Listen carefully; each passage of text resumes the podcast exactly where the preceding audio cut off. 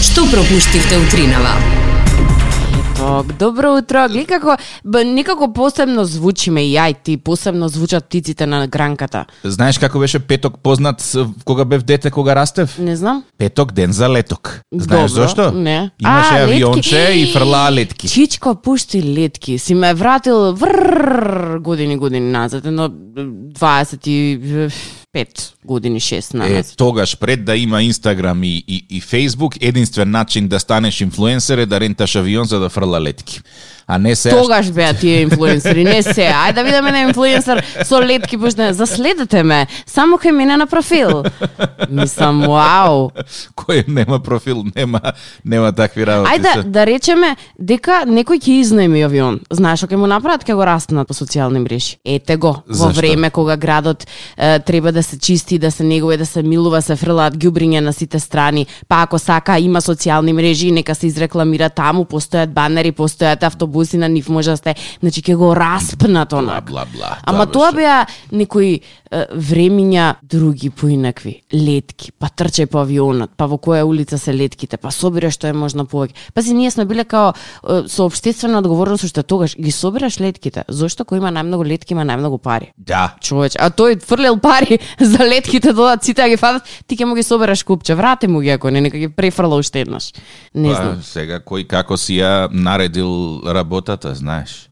Интересно беше тоа време, ама Многу што беше. е тука е. А, вчера многу а, ново заразени од корона, 1300 ако не се лажам според 200 официјалните и нешто, информации да. на а, Венко Филипче, м, се прават места во болниците, Е, по социјални мрежи луѓе коментираат колку често брзата помош поминува низ е, улиците во во Скопје, реално сликата Поминува. воопшто не е розова. Еве го 1216 од 3761 тестиран, 111 оздравени, а 15 починати, бројката на активни случаи 13909. Малте не се дуплираше за околу десетина дена. Паметам беше некаде околу 6500 и реков еј, можда ќе успееме да да се сведеме на нула, ама м, тешко изводливо. Посе изгледа дека ќе ќе биде. Битно е да се чуваш и да ги почитуваш мерките. Вчера вртејки низ телевизиските канали, онака б, телевизорот повеќе понекогаш ми прави друштво за муабет, чисто нешто да свет како што би рекла баба ми. А, вртејки на каналите гледам вест интервју со некој доктор, као наводно а, новиот бран, односно јакото ќе биде пуштено на најако некаде во април и права да ти кажам нити ми дојде убаво што ја видов информацијата, нити пак сакав да да догледам, го погледнав, го прочитав, и кама е Си Нале свртив. и корона и да, се. го си го свртив каналот, не можам веќе ако доаѓа јакото, нека дојде, мислам све поминовме, така што б, не верувам дека нема да се случи ми суште еден бран. Меѓутоа, меѓутоа, би јас сакам да ги гледам работите од малку подобро, си велам дека сме еден ден поблиску до е, старото нормално кое што можеби никогаш ќе ни се врати. Вчера права да ти кажам некако ми дојде носталгија за за ресторан, за кафана, за певајка, за све. Тоа е тоа е, оптимистичкиот поглед кон светот, еден ден поблиску до како го кажа старото? Старото нормално. А, е, кафана, дружба. Песимистот ќе ти каже еден ден поблиску до крајниот рок на употреба. Па сега ти гледај ги работите како сакаш. Петок е, дај да се вратиме на, на позитивно. А, има еден роден ден утринава кој што за мене е посебен. А, ја паметиш таа сликата која што ни ја донесе еден слушател? Добра? Е, Джеронимо денеска има роден ден. Да? Е, да. Е, н- Предпоставувам дека не знае дека знаеме дека има роден ден, ама од друга страна не слуша секое утро, така да е, морам вака апла рано. Рано, рано. Мора рано наутро прв мене да ми се јавите. Мора. Мора. Мора. Затоа што ти си на листата на, на, на посебни слушатели кои што заслужуваат внимание вака од зори. Ја рано станав да ги барам кликите, сакам да ви пуштам она фрла влетки едно време од, од хеликоптер. Е, да, да. Ти си човекот што ни треба утринава за муавет. Чекај, значи од хеликоптер се фрла, а не од авион. Не, не, ја ние во хеликоптер бевме па фрлав не тетово, гостивар, Скопје, преку Машала. Е, тоа бе. Па те ќе волонтирам, мислам, онака. Бај сега ќе ги дадам сликите, ќе ви пуштам да ги видите Сакам како да изгледа видам. многу го од одгора, мислам. Три сати сме летале, тетово, гостивар, Скопје, Туш убаво. Одлично. Од, Тет, од Тетово до Куманово воздушна линија за 7 минути сме стигнале, мислам онака. И тоа би било нешто као ја кога доаѓам на работа. Од кај мене до кај тебе 7 минути, а од Скопје Ама до мора, Да. Косивар. а, ама мора, мора, мораше да се врати на после на аеродром, требаше го да организаторот му се поврати, па го чистевме хеликоптерот, мислам онака. Е, тоа малце не ми се допаѓа вториот дел сега со чистењето и со враќањето на хеликоптерот таму на, на писта, ама сето друго звучи прекрасно. Е, Джеронимо, среќен ти роден ден. Најсреќен! Фала, фала, што се сетивте, мислам, е, ја не мислам на мислам, али се мислам, ама ова изглед заслуга на Верче, можам. Па и Верче до негде се замеша, Сандра тука, Да. целата екипа, мислам, кога ти се грижи за нас и ние се грижиме за тебе. Така е тоа, Па, еве, двонасечна да. улица. Ја ветиш клифи за Зорка, мислам, па сега не знам дали ќе сака таа. И ќе Не сак- бе, не сакам, зашто? Како да не сакам? Значи, види, фотографијата која што, односно, е, сликата која што ни ја подари, е, има за нас посебна вредност, заради тоа што е, не само труд, многу љубов е ставена внатре. Така што тие дела се многу посебни за човек. Јас, Летово два месеци, септември, август и септември, кога сте на одмор, за Зорка е да- планирана, мислам, онака. Готово. Јас очекувам да ти кажам. Очекувам и јас таквите е, да речам подароци правени со многу љубов и внимание кај мене имаат е, посебно место и заслуга. Ќе биде. Има и прекрасен Готово. ден, убаво да си поминеш Фала вечер. ви исто така, очекувате сега за брзо време, ќе ви пратам сликите како што сум сликал од одгоре. од Важи, хеликоптер. чекаме.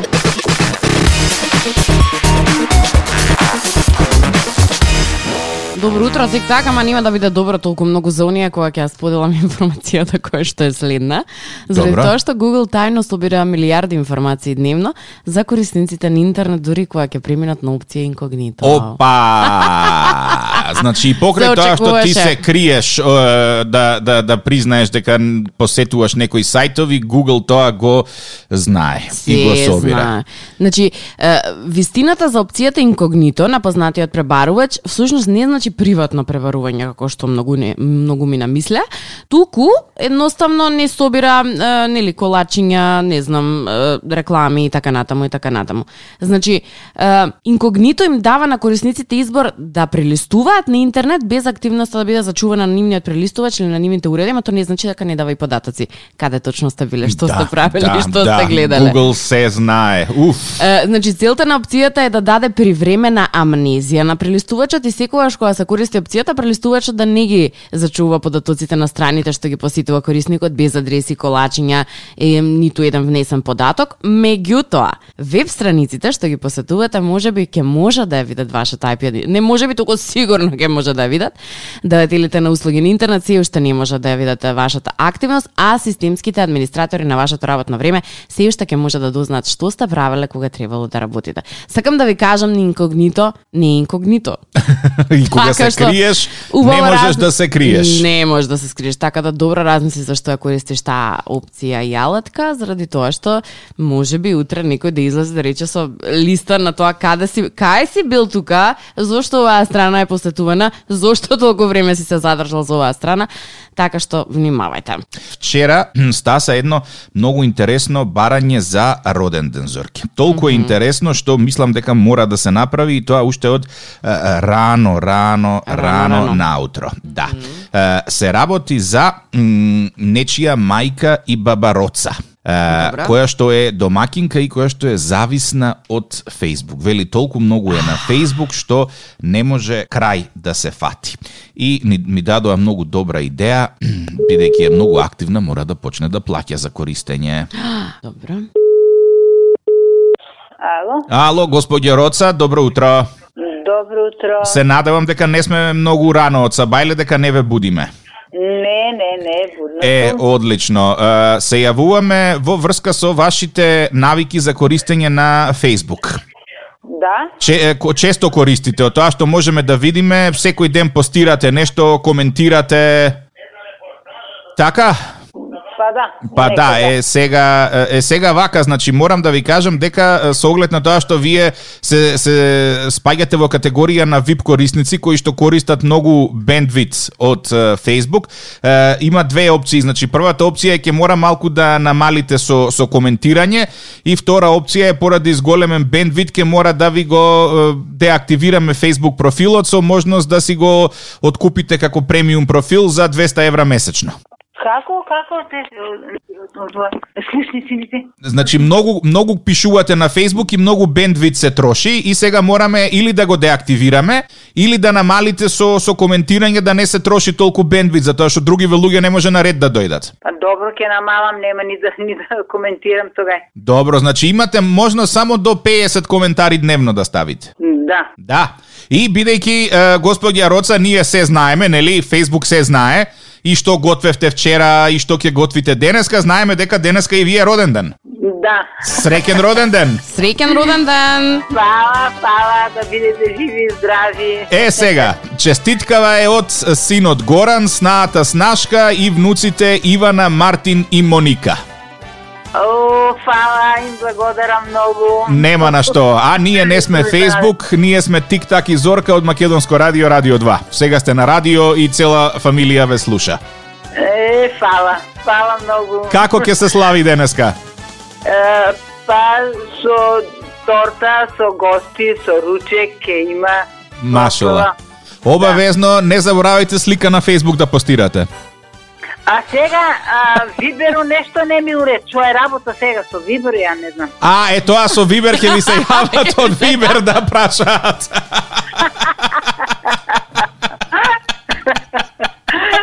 Тетка Роца, имај прекрасен ден, се слушаме наредна прилика. Фала, фала, се најубаво. Чао, чао. Чао, чао.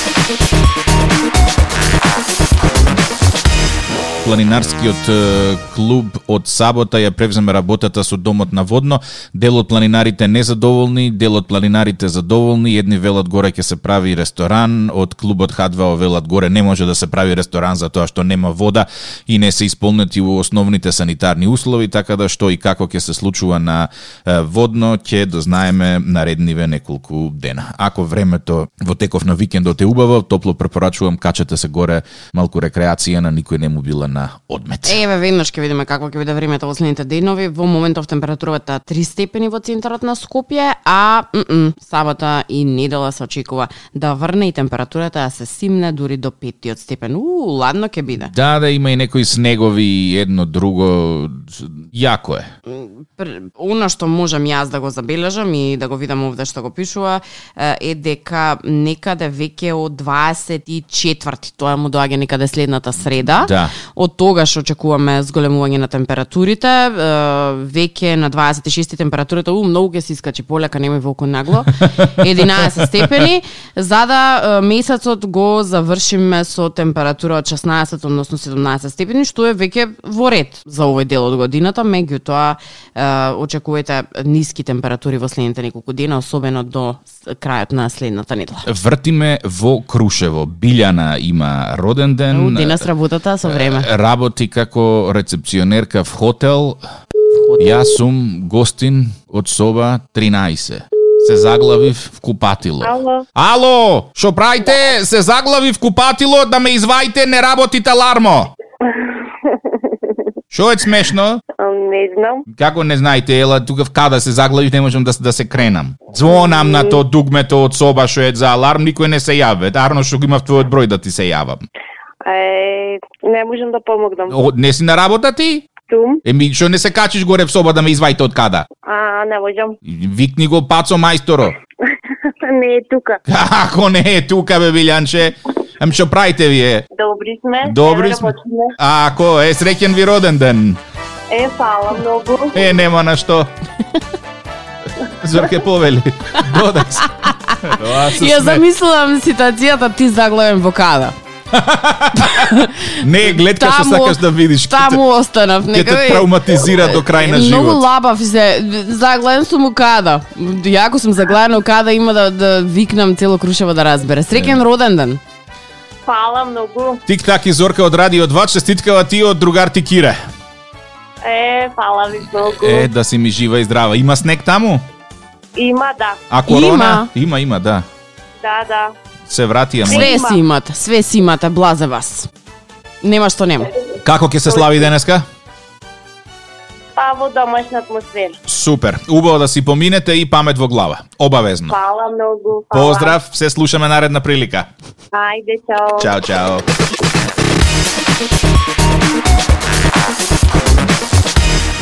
Добар ден. Добар ден. Е, не слушам и ме испровоциравте со Зорка за ова со сојба да запарите. Добра? И баш ме испровоциравте.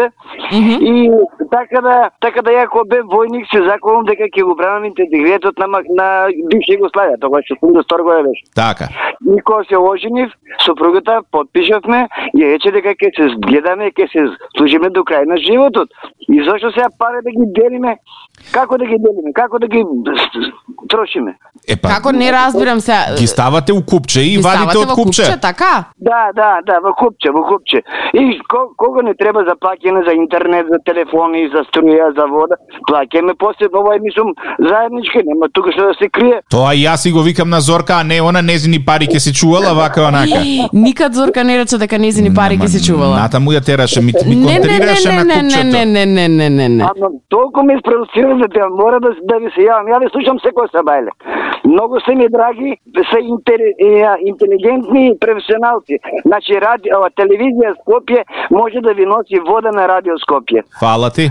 Секој е чест. Значи, прекрасни сте. Многу ви благодарам, ама еве јас уште сум- се наоѓам затечена и од повредата зошто мислите дека парите треба да стојат на купче, на пример. Затоа што за да му... Не знам сега што, што се крие нешто од мажот или жената, м- мажот од жената, значи тука не е нешто доверба. Ама една работа ќе ви кажам, меѓу жените тоа е општо позната. Црн фон жената секогаш мора да има. И мажот исто. Не, не, не рекол црн фон, него не се знае во женска чанта што има. Тоа Е, им, во некоја джепче 100 евра скриени.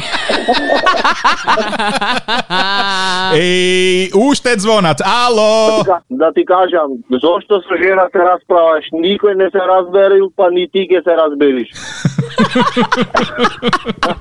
во, во врска со буџето и се останато. Фала ти за сугестијата. Нема проблем, исто како да ја слушам сопругата да е таму.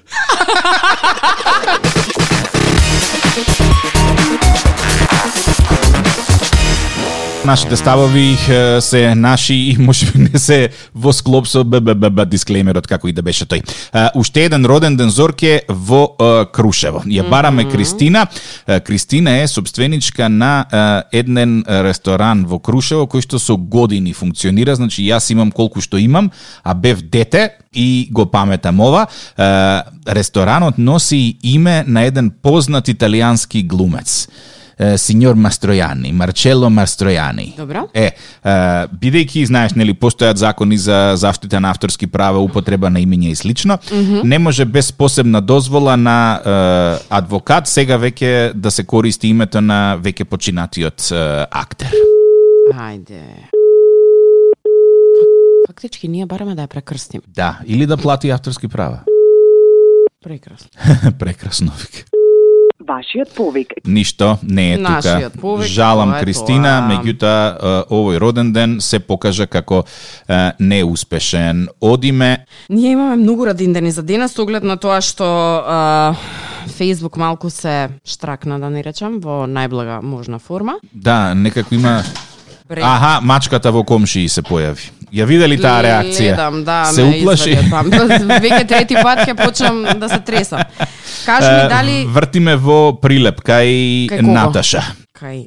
Ша. Да, е, Наташа работи во некоја е, фабрика за е, Аха, аха, добро, видов. кафемати. И да видиме дали ќе успееме да ја добиеме. Може. Споделува се и се што од продавници кои даваат награди. Што да ја дадеме? Чамец на дување. Не е можно и да не крене и Наташа. Е, белја. Тоа ти е тоа. Имаш еден куп родендени и на крај ништо нема да се Стаса случи. порака во меѓувремено, викам, е, Митко, да, може да имаат заеднички фонд со сите пари, апропо муавето што го правевме, ама мора мажот да има негов таен фонд за вакафана, за кашфалирката, а жената за шминки и слично. Види, види каква паралела е направено. Кафана и Кафана и шминка. шминки. Мислам, шминка имаше за 500-600, зависи која шминка. Имаше за 500-600 денари, меѓутоа имаш, а кафана, ја не мислам дека некој кој што седнал не поминал за 500 денари, што ќе јадеш? Ништо. Е, Немој сега да се свртиме на ќе одиме во кафана, ќе купиме пелени.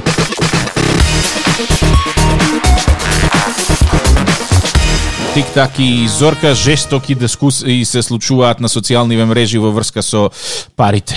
Е, додека е, дискутираме на тема финансии и буџет и ништо што не очекував дека доволку ќе се распали, една забелешка само. Додека мажите пишуваат и се јавуваат, жените мудро молчат на оваа тема.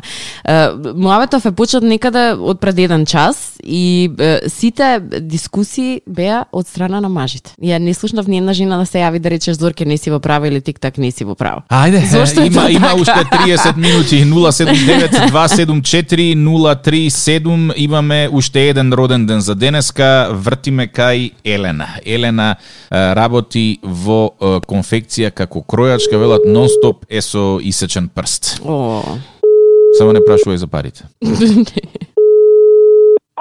Ало, Елена, добро утро! Добро утро. Како си? Добро. Прстот добар е? Добар е. Мора да биде добар, пази само што правиш со ножиците да не се повредиш троа поиќе. Нема. Не, тик так и Зорка од Радио 2. Денеска ти е роден ден. Да. Среќен роден ден. Пала. Честиткава ти е од Горан и Мила. Е, пала. Како ќе се слави денеска? Па, малце на работа, малце со фамилија. Супер. Што и да правиш, убаво да си поминеш, само е, многу внимателно и без поголеми групирања гледаш коронава прави лом. Фала најмногу. Имај прекрасен ден, е, ние се слушаме наредна Следна прилика. прилика. Да. Фала, чао.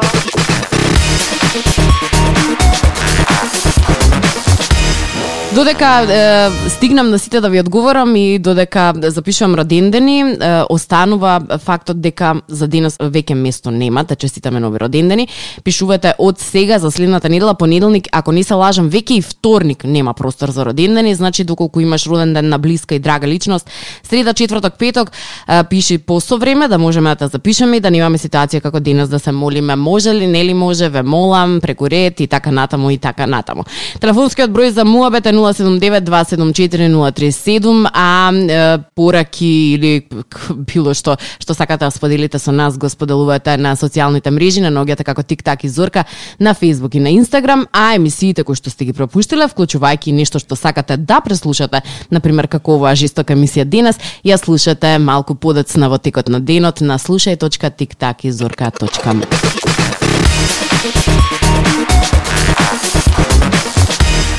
Зорка со сумативна дискусија за семејните буџети. Да, е, семен буџетот најмалку 500 евра му бил потребен на просечно 4 члено семејство е, за домакинството, нели, за да го преживее најтешкиот месец во годината јануари.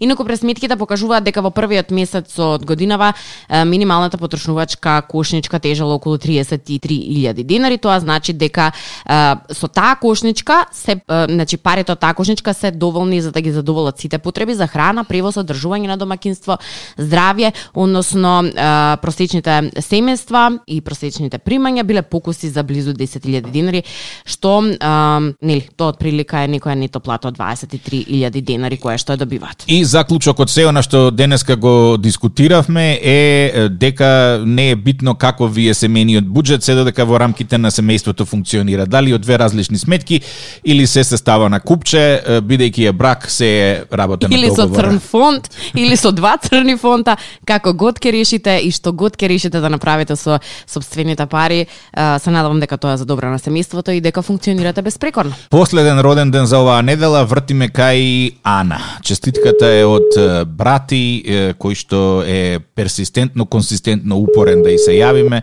Се надевам дека Ана ќе се јави. Ако не се јави, никому ништо. 9 и 17 е петок е се разведрува надвор. Ало, добро утро, како си? Ало, Ало, ало, како си? кој ви треба да повеле? Ана ми треба. Да, добро. Па секојаш ли е вака насмејана Ана од Сабајле? Да, да, да. Д- Е, прашање едно до Ана. Е, Ана е во брак или не? е? Да, во е, брак. сега прашање за семениот буџет. Како тоа е организирано во вашиот брак? Секој троши своји пари или се се става на едно купче па се влече? А да губи оваа информација? Ха-ха, прашањето треба да се одговори, па ја ќе ти кажам од кај ми е оваа информација. Не, не, не, стварно, зашто ви е потребно, кажете. Па за анкета, господјо. Да? Да, цело Сабајле тука дебатираме со колешкава како треба да се расправаат буџетските пари во брак и дојдовме до Ќорсокак. Јас велам едно, таа вика друго, слушатели се наоѓаат повредени од нашите ставови и размислувања, па Ана да пресече за крај. Е, добро. И сега што? Заеднички. Е, Победи тик-так. Зорка тука ми пропагира, она ќе си ги трошела незините пари. Леле, никогаш не реков така, не ми го извртуве мабет. Така рече. Ана, среќен роден ден. И фала, фала. Па, Утре ти е, ама денеска да, да, да средиме процедурално. Честиткава ти од брат ти Игор, кој што кај живее, Скопје, Германија, Бон, Хошкул, Бон, Рајне, Сиг. Отек да, отек да помалку тука е Па нема, ја, Короната, јас би го дома е. кандидирал брат ти за политичар, толку упорен, толку упорен, толку И на крај го упорен. оствари. И на крај, ајде, те, те, те протуркавме денеска. Како ќе се слави? А, Па весело утре, се чека на денот. Вака не чинало пред ми вика. Е, Тоа на брат ти се, а ти да му објасниш дека не чинело преда, не е два сата овде када вика, ама барајте, барајте, барајте. добро. Не, не, добро ќе се слави само со корона нели овие сите мерки да пазиме, да не направиме поголема добро белја. Да, да, чувајте се. Имај прекрасен ден Фала ви и се Значи, многу. слушаме наредна И вие прилика. исто. Чао, чао. Фала. Ете, да го заклучиме денешниот ден? Да. Па ја мислам дека е време. Се Слушаме од понеделник мала најава дека и понеделник ќе бидеме вака пикантни со теми како и денес. Затоа ем, Тоа кажуваш многу авансно однапред, од кај знам колку ќе се закиселиме викендов со времето. Полека, лайк, се лайк. слушаме Не ја во слушајте Зорка. понеделник. Чао. Тик-так и Зорка, facebook.com, коса црта Тик-так и Зорка, Instagram Тик-так и Зорка, телефон 079-274-037. Доколку сакаш да честиташ роден ден, пиши ни. Сите оние е, емисии кои што ги пропушташ во текот на утрото, можеш да ги слушаш и на слушај.тиктакизорка.мк.